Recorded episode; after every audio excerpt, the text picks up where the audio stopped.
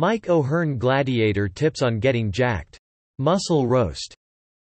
Mike O'Hearn is one of the biggest names in the fitness industry. His workout, diet, relationship, and bio are all below for you to get to know this guy. He is a very successful bodybuilder, fitness influencer, actor and male model. He has also done quite a bit of acting and currently lives in California. Mike O'Hearn has been featured in over 500 magazines, including many covers.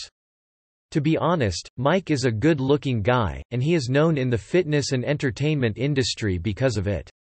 Besides being a good-looking guy, Mike O'Hearn was also blessed with some amazing genetics that have provided him an amazing physique. How tall is Mike O'Hearn? Mike O'Hearn is about 6 foot 2 inches tall. How old is Mike O'Hearn? Mike O'Hearn was born in 1969, which makes him 50 years old today. Mike's career of many avenues. Mike O'Hearn went under the name Titan in the revival of the TV show American Gladiators in 2008. Besides acting, he is also a personal trainer, and has trained Mark Bell during his prep for his bodybuilding show in 2018. In the series that Mark posted on his YouTube channel, you can see many useful tips Mike had up his sleeve. He really understands the human anatomy, and knows all kinds of old-school tricks to achieve that dream body. Mike began his competitive career at the early age of only 14. He kept pursuing it and eventually gave up on the competitive part, but never stopped lifting.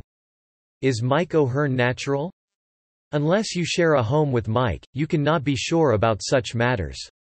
Even if you did live with him, you still wouldn't be sure about what he's doing when he goes into bathroom and stays locked inside for longer than it is normal. Maybe he is just looking at the magazines right? All natural bodybuilders do that. What does being a natural bodybuilder even mean? There are people, like my uncle, who think that muscle gained by lifting weights is not real muscle. There are also people who think that creatine is a steroid.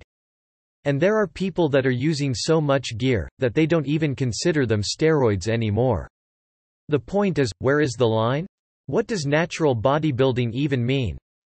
When you get on that stage or under that bright light of a photoshoot camera, the only thing that matters is how you look.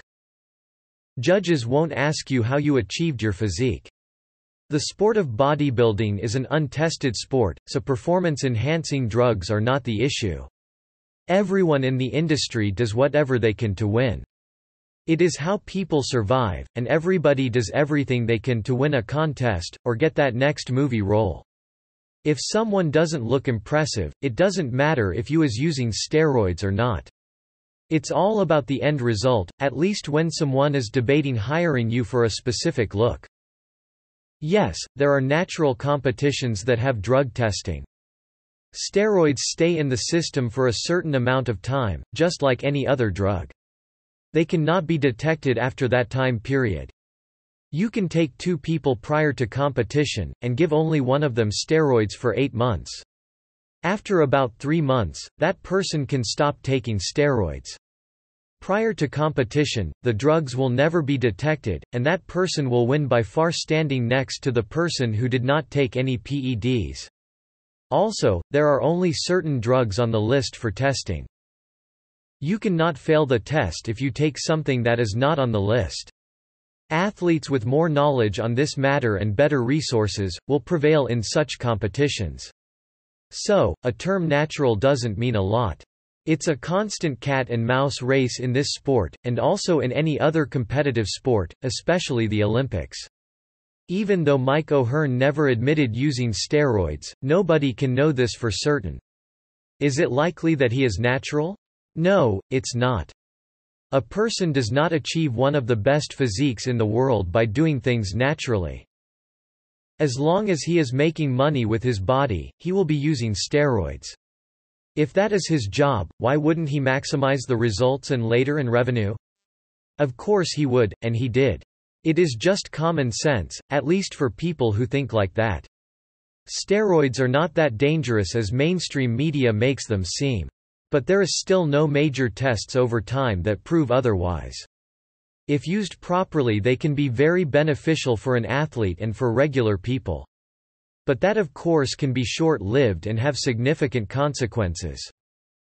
Mike just wants more attention by claiming natty status, which of course causes people to argue, which leads to more views.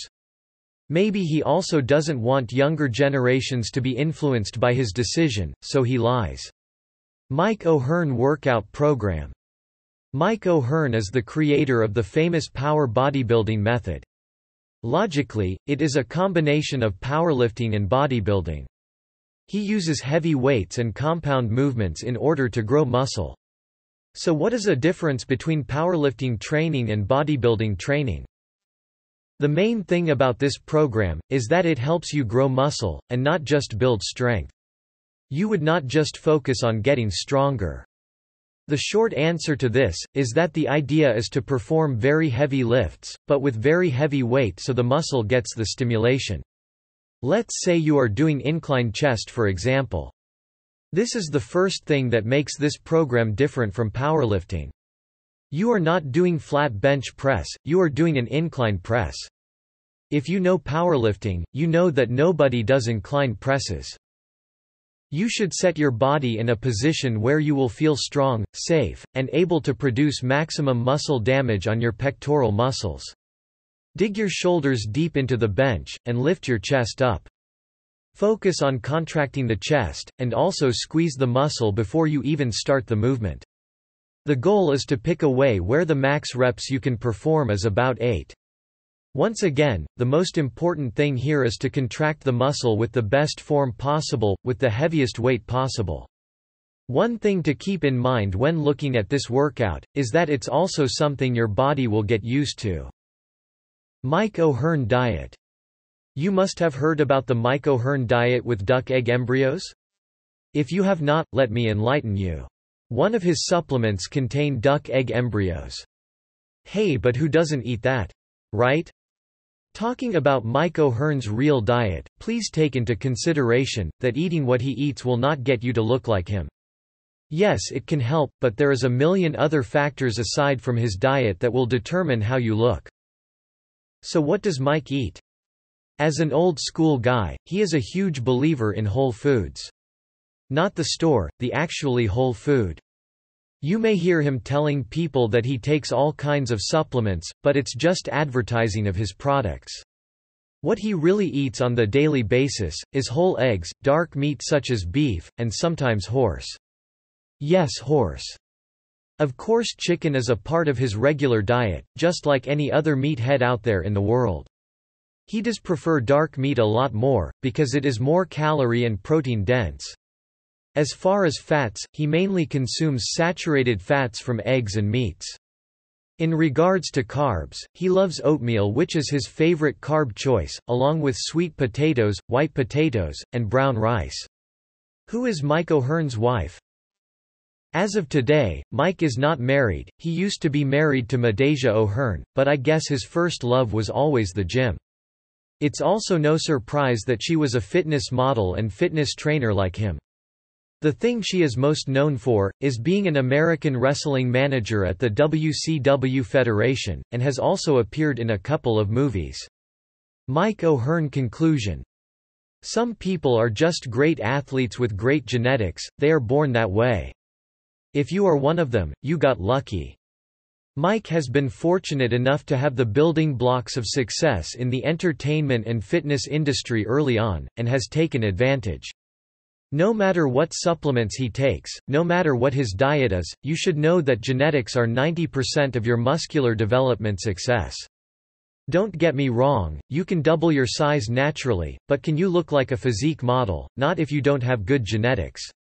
You can train your legs all you want, jump all you want, but you will probably never jump from the free throw line like Michael Jordan. That said, guys like Mike O'Hearn sure do have good advice to give, and you can learn a few things. You should take advice from everyone, that is my advice. Then figure out what works for you.